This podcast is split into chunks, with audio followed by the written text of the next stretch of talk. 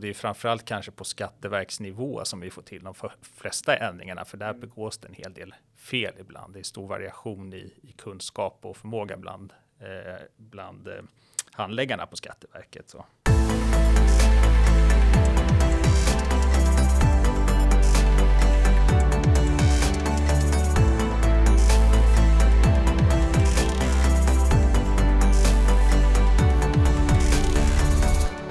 Magnus Bode är jurist med arbetslivserfarenhet från både näringsliv och domstol. Idag arbetar han som en av skattebetalarnas skattejurister. Varmt välkommen till Uppskatt Magnus. Tack så mycket, kul att vara här.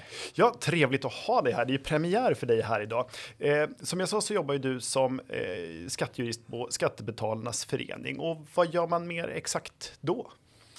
Ja, min huvudsakliga uppgift är ju att hjälpa våra medlemmar med skattefrågor. Eh, dels då genom att eh, vi träder i tvist med Skatteverket, men också genom att svara på frågor inom skatt då till medlemmarna. Mm.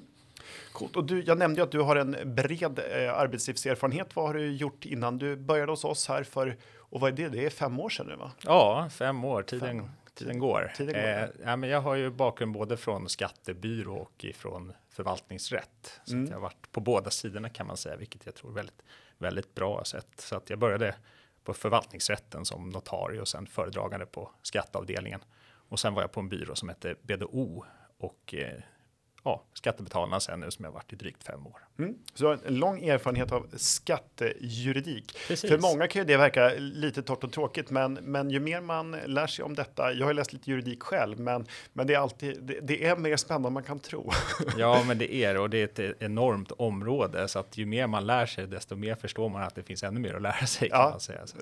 Det, det, det är väl i och för sig en tendens för nästan all juridik att jag minns när man har läst den här juridiska översiktskursen att då tyckte man att man kunde precis allting. Det är liksom, äh, pacta sunt servanda, avtal gäller och sen så utgår man från det och sen så inser man att det var lite svårare än så. Ja, precis. Eh, en av de delar som du nämnde, det är de här att processa då skattemål i domstol och det gör ju vi om man har ett så kallat skatterättsskydd. Vad är det för någonting? Mm, precis. Skatterättsskydd är då en extra tjänst som man kan köpa till sitt medlemskap och den innebär att man kan få hjälp av oss jurister då vid en eventuell tvist med, med Skatteverket. Och då brukar vi göra en inledande bedömning av ärendet eh, och om vi kan se att det finns ändå en rimlig chans att få till någon, någon bättring här för medlemmen eller få till en full bättring. Eh, ja, då bistår vi då som eh, då kan vi kliva in som ombud i den här processen, vilket innebär att vi hjälper till att skriva överklagande och hanterar alla all skriftväxling. Då, då. Men det är alltså en extra tjänst eh, som man har då. Mm. Och, och hur långt driver vi de ärendena? Ja, vi driver dem så långt som vi behöver ja. så att säga. Alltså första instans är ju förvaltningsrätten och sen så kan man ju då överklaga till kammarrätten. Högsta förvaltningsdomstolen krävs ju prövningstillstånd eh, för då, då men, mm. men man kan få hjälp hela vägen då om det ja. behövs. Har du, eh, och där har vi några roliga wins som vi har gjort mot Skatteverket. Ja, absolut. Det, mm. det, det har vi ju.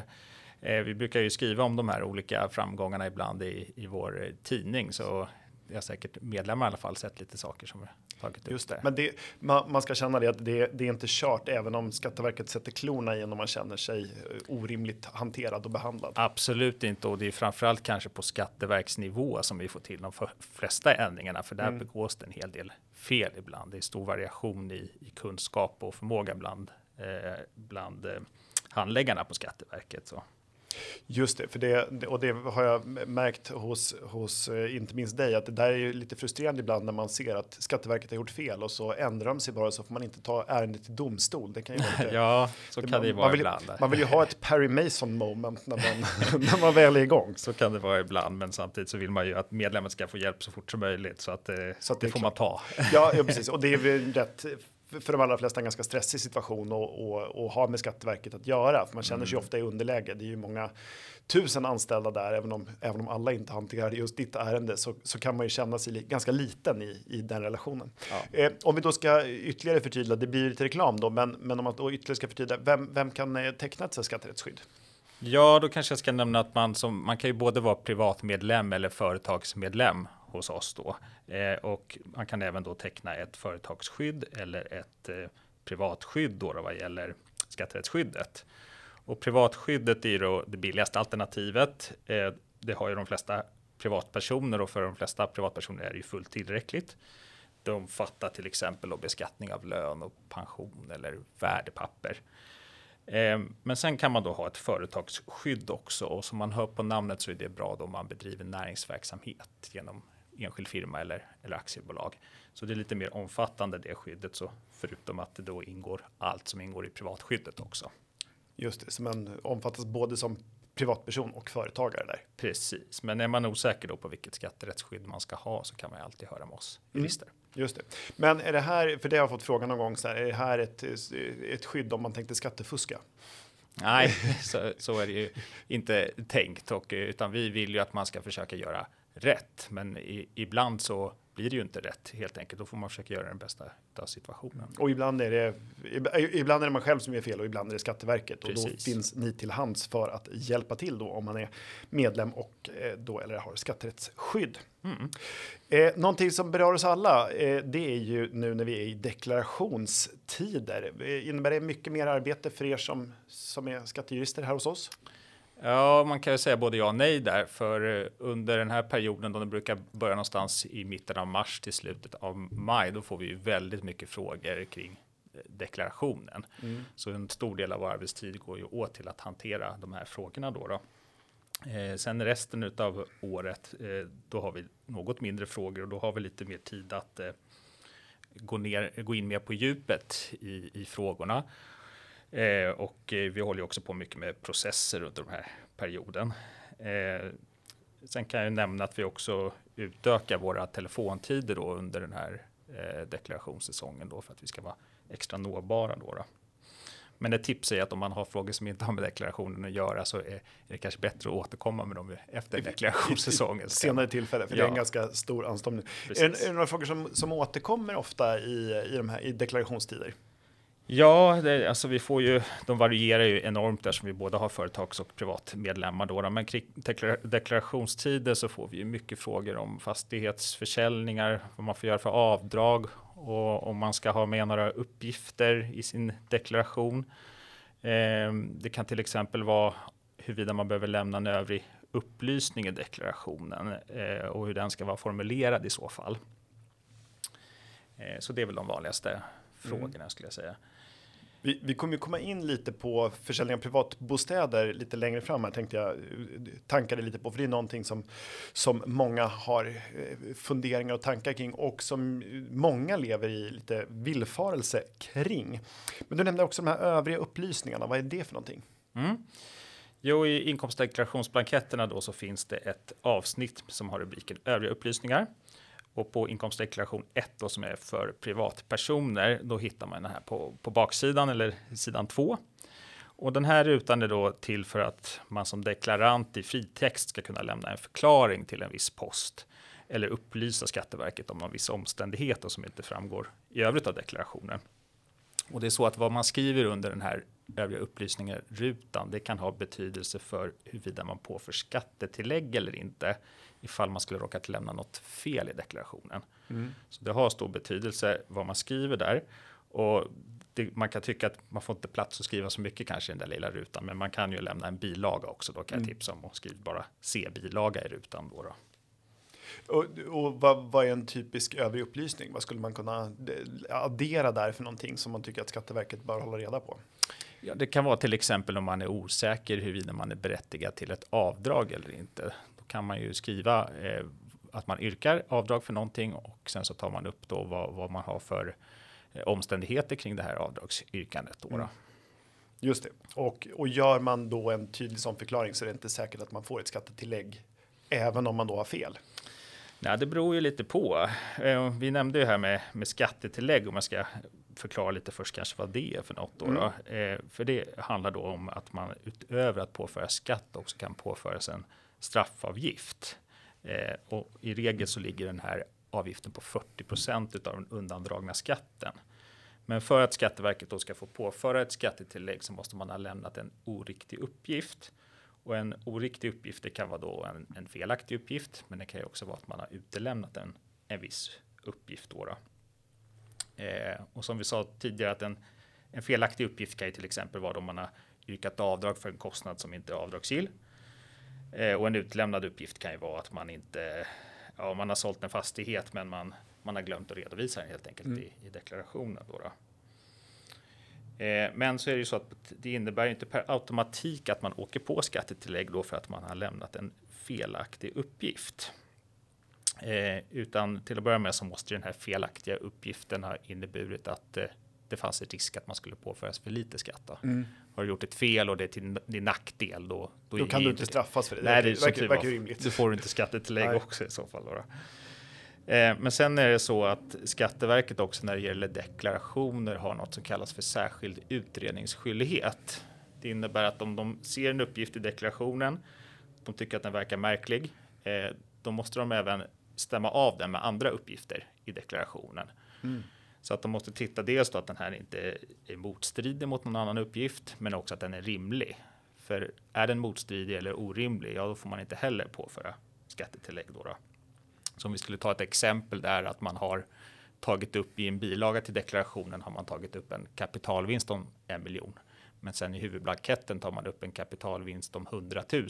Mm. Då är det ju något som är fel där någon av de två uppgifterna är felaktiga och då måste Skatteverket ta reda på vilken som är den korrekta uppgiften. Just det, men alltså att en nolla för mycket eller för lite på ett ställe innebär inte automatiskt då att man blir. Precis, så det, det finns en utredningsskyldighet där. Detsamma om du gör ett eh, ett avdragsyrkande och du har lämnat alla uppgifter som Skatteverket behöver för att fatta ett beslut om det här yrkandet. Ja, då får du inte skattetillägg även om avdraget, ja, du är inte berättigad till avdraget Nej. så att säga. Och det är väl det där man då brukar kalla för ett öppet yrkande, alltså när du yrkar någonting och du lämnar alla relevanta omständigheter till Skatteverket. Det gör du då alltså för att undgå skattetillägg. Just det, just det. Så att man kan söka vilket orimligt avdrag som helst, eh, men har man bara förklarat det tydligt så slipper man det. Ska, slipper ja, man skattetillägg. Ja, så är det väl inget jag uppmanar att man nej, ska nej. göra, men, men absolut. Eh, men är man osäker om ett, ett avdragsyrkande så ska man ju använda sig av den här rutan tycker jag. Just det, just det. Finns det någon risk att om man gör det, om man lämnar det öppet, eh, såna här eh, öppna yrkanden, att, att, de, att de börjar titta lite noggrannare eller? Alltså om man skriver någonting i, i rutan övriga upplysningar så blir det ju förmodligen en kontroll ja. på, på, på, den eh, deklarationen.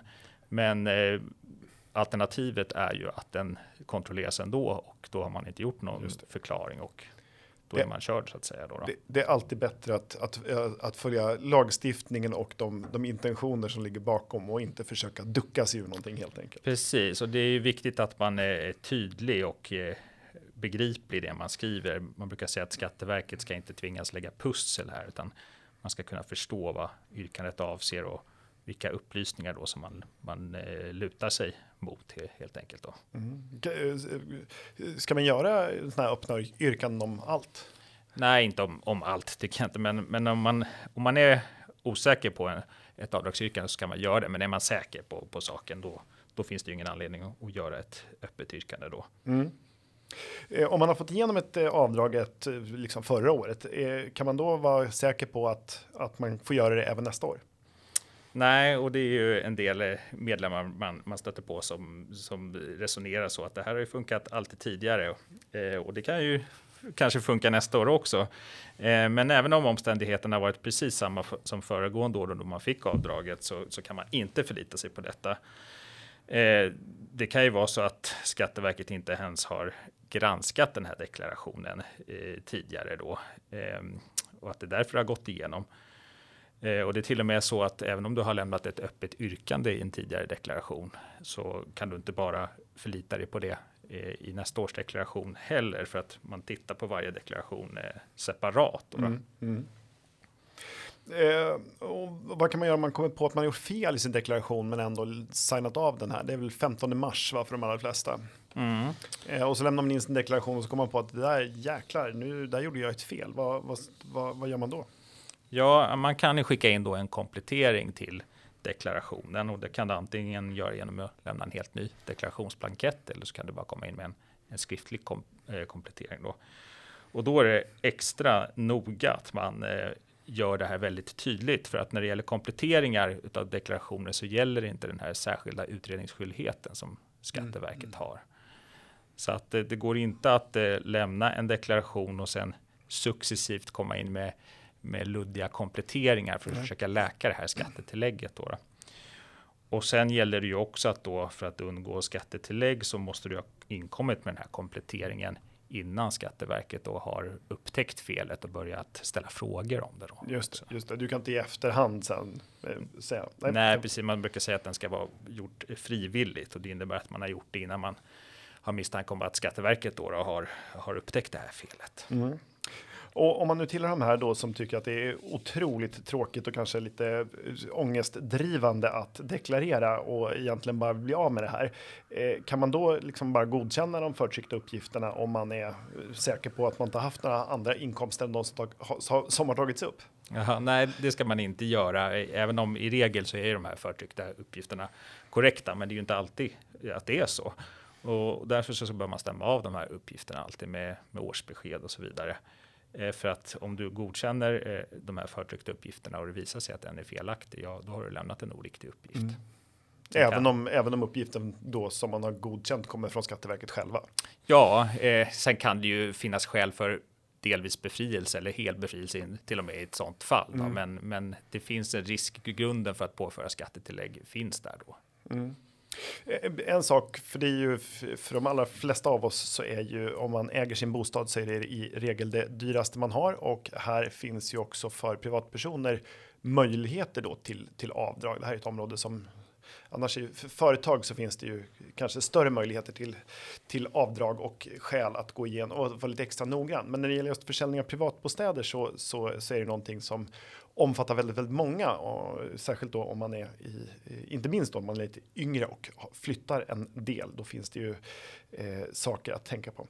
Eh, eh om man har sålt sin bostad under då förra året 2021, eh, då ska man ju deklarera den försäljningen nu i den här deklarationen man har fått i år. Och vad ska man, hur ska man då gå tillväga och vad ska man tänka på? Mm. Ja, om man då sålt sin privatbostad då, så ska man lämna en eh, särskild bilaga i sin deklaration eh, och då beror det lite på om du har sålt en, eh, ett småhus eller en villa då. Då är det blankett K5 du använder och är det en bostadsrätt så är det då blankett eh, K6 då. Och de här blanketterna använder man ju dels då för att räkna fram och deklarera vinst eller förlust då. Eh, men sen kan man ju också använda de här då för att begära uppskov med eventuell vinst då. Eh, och eh, uppskov då, eh, det innebär ju att man, eh, ja, man ansöker om att inte behöva skatta av den här vinsten som man har gjort på försäljningen, utan man skjuter istället den här skatteskulden på, på framtiden. Eh, och tidigare var det ju så att man betalade en årlig uppskovsränta för att ha sånt här uppskov och då kunde det ibland vara, vara bra att, att skatta av det till och med för att det, det, var, det innefattade en kostnad. Då, då. Men sen ändrade man reglerna så sen 2021 så utgår ingen kostnad för att ha uppskov. Så man kan säga att numera så utgör uppskov en slags eh, skattekredit och en kostnadsfri skattekredit. Mm. Och då, så det är någonting man bör göra då och helt enkelt om man, om man har möjligheten att göra det. Absolut. Mm. Eh, finns det särskilda förutsättningar för att man ska kunna få ett uppskov? Ja, det finns ju ett antal villkor som ska vara uppfyllda då, men till att börja med så så måste den här bostaden som man har sålt, det måste ha utgjorts ens permanent bostad, alltså där man är skriven mm. i regel. Det är eh, inte för sommarhus eller eh, liksom en semesterlägenhet eller så. Precis. Och sen så finns det ju ett krav på då att man har köpt och flyttat in i ersättningsbostaden inom en viss tid från försäljningstidpunkten då, då eh, efter att man har sålt eh, en bostad då som man söker uppskov med vinsten för. Mm. Men eh, en, man kan, om man vill ha en eh, översikt av alla förutsättningar här så rekommenderar jag att titta på, på Skatteverkets vägledning. Eh, uppskov med beskattning när du har sålt din bostad heter den mm. vägledningen då. Men, och, och, om jag säger att jag då säljer en, en, en villa och så flyttar in en hyresrätt, finns det någon möjlighet till uppskov då? Eh, en hyresrätt kan ju inte utgöra en ersättningsbostad, men däremot så kan du ju flytta in först i en hyresrätt och sen då köpa en ersättningsbostad eh, och då kan ju du få uppskov genom den ersättningsbostaden. Mm. Men då måste du hinna köpa den här inom de här tidsfristerna som som gäller då. då. Eh, sen kan man ju tänka sig en annan situation att man man först flyttar in i en ersättningsbostad, men sen väljer man att, att flytta till en hyresrätt. Eh, men man har samtidigt kvar den här ersättningsbostaden kanske som fritidshus. Mm. Då. Eh, men det innebär då inte att du behöver återföra uppskovet till, till beskattning, för då har du ändå vid något tillfälle då under den här tidsfristen faktiskt bott eh, permanent då på den, den bostaden. Så det är helt okej okay att göra. Men det får inte vara fråga om någon skenbosättning då. Ja, just klart då. då. Det måste, precis, det måste vara en riktig bostad. Du, mm, jag förstår. Så att det, det, finns en skillnad där att den bostaden du säljer för att kunna få uppskov för vinsten där så måste du ha varit bosatt där under en viss tid innan försäljningen. Då, för att, men när det gäller ersättningsbostaden finns ingen sån tidsgräns utan det räcker att du någon gång har bosatt dig där då inom okay. tidsfristen. Eh, eh, och vad händer om man inte hunnit skaffa en ersättningsbostad innan det är dags att deklarera försäljningen? Eh, ja, det, det, kan ju hända att det blir så för att eh, du, du säljer kanske i slutet av året och så har du inte hunnit köpa något nytt då. då. Men då kan du ansöka om preliminärt uppskov. Eh, och det här gör man då också med hjälp av de här blanketterna jag nämnde tidigare, K5 och K6 då. då. Eh, och då ansöker man om preliminärt uppskov. Sen året därpå så måste man då återföra det här preliminära uppskovet och så får man ansöka om slutligt uppskov då när man förhoppningsvis har skaffat en ersättningsbostad. Mm. Och hur stor del av vinsten kan man få uppskov med? Ja, det finns ett tak numera då som ligger på 3 miljoner kronor per bostad. Eh, men om man köper en förutsättning då för att kunna få uppskov med hela det här beloppet är att man köper något som kostar minst lika mycket som det som man sålde. Då. Så köper man en ersättningsbostad som, som kostar mindre än vad man sålde bostaden för, då får man kvotera det här uppskovsbeloppet. Om vi tar ett enkelt exempel då, låt säga att du, du säljer ditt hus för 10 miljoner kronor och så gör du en vinst på 4 miljoner kronor. Och så köper du en ersättningsbostad då för 5 miljoner kronor, alltså för halva priset. Ja, då kan du bara få uppskov med hälften av de här 4 miljoners vinsten då, alltså 2 miljoner kronor. Då, då.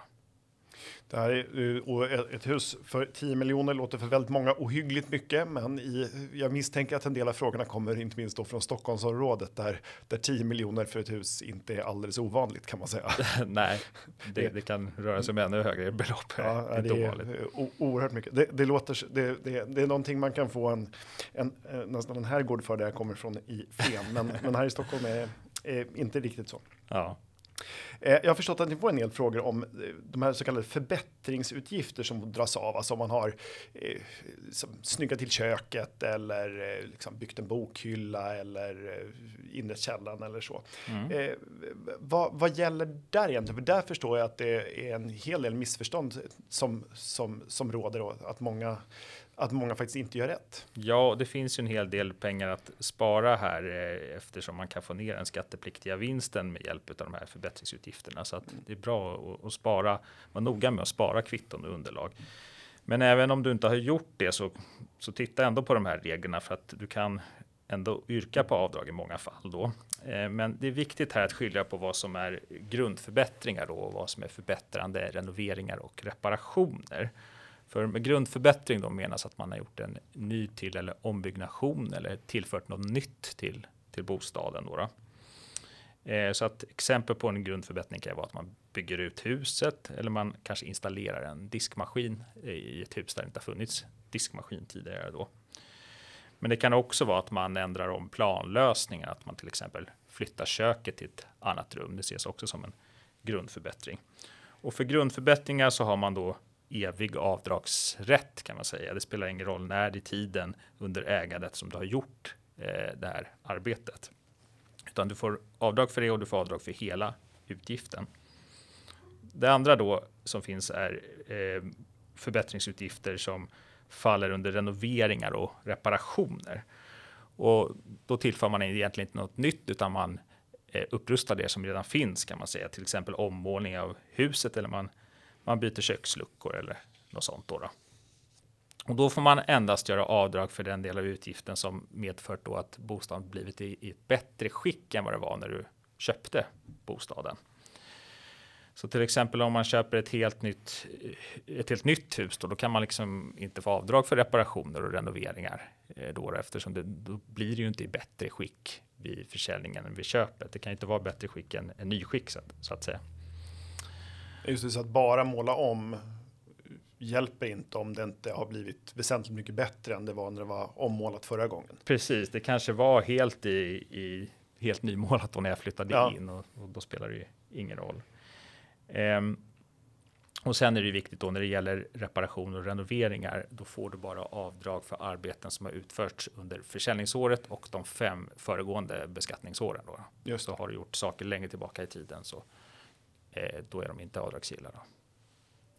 Eh, eh, det är intressant, för jag misstänker att många gör avdrag som sträcker sig längre tillbaka, tillbaka så och en hel del tror bara att det gäller i fem år, även om man då har gjort sådana permanenta förbättringar. Mm. Eh, men du kompenseras inte för om, säg att du köpte ett hus 1980 och så gjorde en renovering eh, som, som då, eller en permanent förbättring som kanske var ganska dyr, men du får ingen kompensation för, för inflation eller så i det här. Nej, det får man inte. Nej, och det får man inte på försäljningen överhuvudtaget. Alltså det, om du köpte ett hus 1980 för 100 000 som du säljer sen för en miljon och även om inflationen då ätit upp hela det värdet så att nu, nu kommer jag inte ihåg exakt hur, hur inflationen har varit, men, men säg att, att det, priset egentligen har stått stilla, det är bara inflationen som har rört sig, så kan, får ingen kompensation. Det är ju fortfarande vinst på 900 000. Precis, men det där är en vanlig fråga vi, vi får med, med tanke på hur utvecklingen på priserna har, har varit. Då, mm. och, och, eh, men, men man har resonerat som så att kapitalvinstskatten är väl förhållandevis låg i, i, i Sverige eh, så att man tycker att man inte ska göra en indexuppräkning då. Mm. Utan man har valt ett system där man har, har, valt att ta en lite lägre skattesats istället. Då. Men visst, det finns ju länder där, där du helt slipper kapitalvinstskatt om du har haft eh, ägandet eh, under ett visst antal år. Just det. Just det. Ja, det, och det är ganska många länder som har det. Och det här ja. samma i Sverige då gäller ju om du säljer aktier. Det spelar ingen roll om, om de är värda eh, lika mycket som du köpte dem, men bara att inflationen har ökat så, så får du ändå betala vinstskatt. Ja, det får det ju. Sen mm. finns det ju både vad gäller aktier har vi ju den här schablonmetoden man kan använda, men det handlar ju mer om att eh, om du inte vet omkostnadsbeloppet då. då. Mm. Och så några sådana regler finns det ju också även för för fastigheter och bostadsrätter då om du har haft dem riktigt länge. Mm. För en fastighet ska du ha ägt den då före 1952. Mm, det är ganska länge. Ja, det, det, är ett tag, men det kan ju vara att du har ärvt en fastighet ja. också då, eh, som, som kanske din, din pappa eller farfar har haft, gått i generationer. Men då kan om du inte hittar ditt omkostnadsbelopp eller om det skulle vara mer förmånligt så kan du använda det av 150% av taxeringsvärdet 1952 som omkostnadsbelopp istället. Då, då. Ja, okay. Så det finns en, så man behöver inte kallsvettas om man inte vet exakt försäljningspris då. Vad blir det 70 år tillbaka i tiden? Pre precis, och, och, även om du inte då eh, hittar, de, hittar de här eh, uppgifterna eller om du har skaffat det efter 1952 så kan du ändå få avdrag för skäliga kostnader. Alltså du kan uppskatta om du till exempel har byggt ett hus ett visst år så kan man få avdrag för en skälig kostnad för det. Just det, så du, det är inte så konstigt om det inte finns kvitton då från 60-talet, men, men man kan göra sannolikt då att, att det här har varit inneburit en kostnad som inte är orimlig mm. då. Då kan jag tipsa om att Statistiska centralbyrån har en del sån eh, statistik för vad det kostade att bygga hus olika år då, som man ju skulle ja. kunna använda sig av. Så man kan gå tillbaka och sådär. Ja. Men, men uh, ja. får man dra av uh, förbättringsavgifter för sånt som man har sökt rotavdrag för också? Eh, ja, alltså en förbättringskostnad, där får man ju ta med både arbetskostnader och, och materialkostnader då. Men mm. du får inte ta, ta, med däremot om du har utfört arbetet själv så får du inte räkna det som en kostnad då. Nej. Men när det gäller rotavdrag så är det ju arbetskostnader som du får reducerat då, då och inte materialkostnaderna. Eh, men den här skattereduktionen, den, den får ju du värdet av redan när du betalar fakturan till hantverkaren egentligen, för hantverkaren drar ju av 30 procent av arbetskostnaden och de 30 procenten, de får du ju inte avdrag för som en förbättringskostnad. Men de här 70 procent som du faktiskt har betalat, de får du avdrag för. Ja. Och det gäller oavsett om det är permanent eller, eller bara förbättringsåtgärder och förbättringsåtgärder om det faller in under femårsregeln där. Ja, Ja, eh, om vi då ska, eh, om man då har gjort en stor vinst på en försäljning till exempel av ett fritidshus så kommer behöva skatta en massa. Eh, när ska den här skatten då vara betald?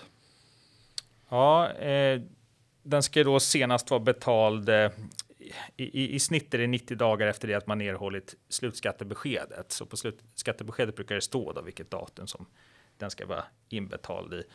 Eh, och de flesta som har restskatt att betala, de kommer få sitt slutskattebesked i augusti och då är sista datum att betala brukar vara någonstans mitten november då, då så man har några månader på sig. Mm. Påförs man ränta om man inte betalar den här skulden i tid? Mm.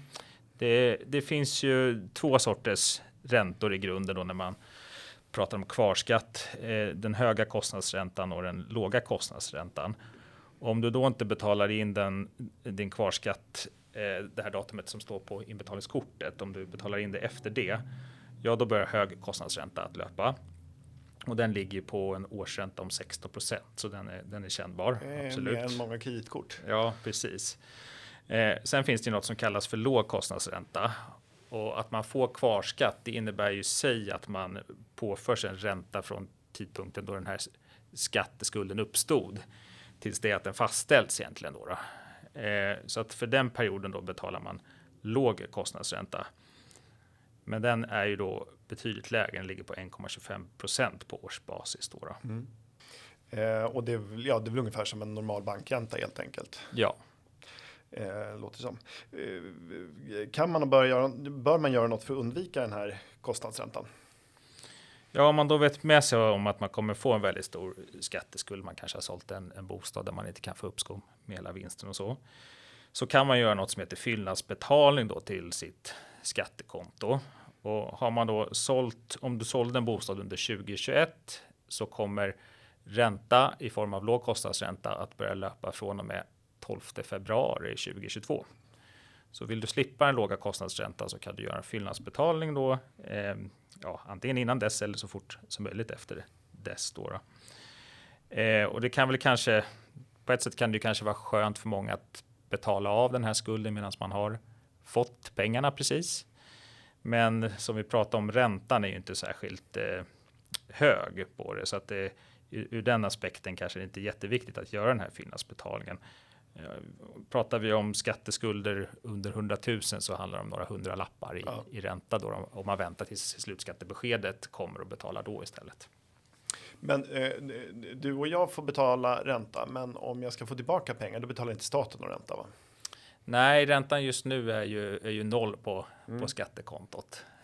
så att, eh, det, det, är inget bra sätt att spara helt enkelt. Att Nej. få tillbaka. Jag vet att ganska många blir alldeles överlyckliga. Jag satt och pratade med några kompisar som, som tittade om de skulle få tillbaka pengar på skatten och de konstaterade att det är, det är intressant att man blir alldeles överlycklig när man får tillbaka pengar som, som egentligen är ens egna. Ja, precis. Men man får ingen ränta på dem, så det finns ingen, finns ingen anledning att ha för mycket pengar liggandes och skvalpandes där. Eh, vi ska börja runda av här strax, men har du några andra tips utöver de vi har pratat om tidigare eller något annat man ska tänka på när man gör sin privatdeklaration? Ja, som vi nämnde lite tidigare här så utrymmet att göra så mycket avdrag och sånt är ju lite mer begränsat i, bland privatpersoner än eh, om man bedriver företag. Då. Det finns ju mer, mer möjligheter när man bedriver näringsverksamhet. Man kan ju använda sig av periodiseringsfonder och expansionsfonder för att skjuta upp beskattning och, och fördela över flera år inkomster. Så då. Men eh, jag ska nämna några saker som kan vara bra att stämma av då i alla fall. Eh, när det gäller makar och sambos som då har köpt och nyttjat ROT och RUT-avdragstjänster under förra året då. Eh, där kan man titta på om det kan finnas en poäng att omfördela avdraget mellan sig då. Eh, och det kan vara fördelaktigt om den ena inte tjänar så mycket till exempel eftersom man behöver ju ha tillräckligt mycket slutlig skatt för att kunna få full skattereduktion. Det. Så det måste finnas någon skatt och, och kvittas mot. Då, då. Så har man olika inkomster där så att den ena inte kan få full skattereduktion, då kan man göra en omfördelning.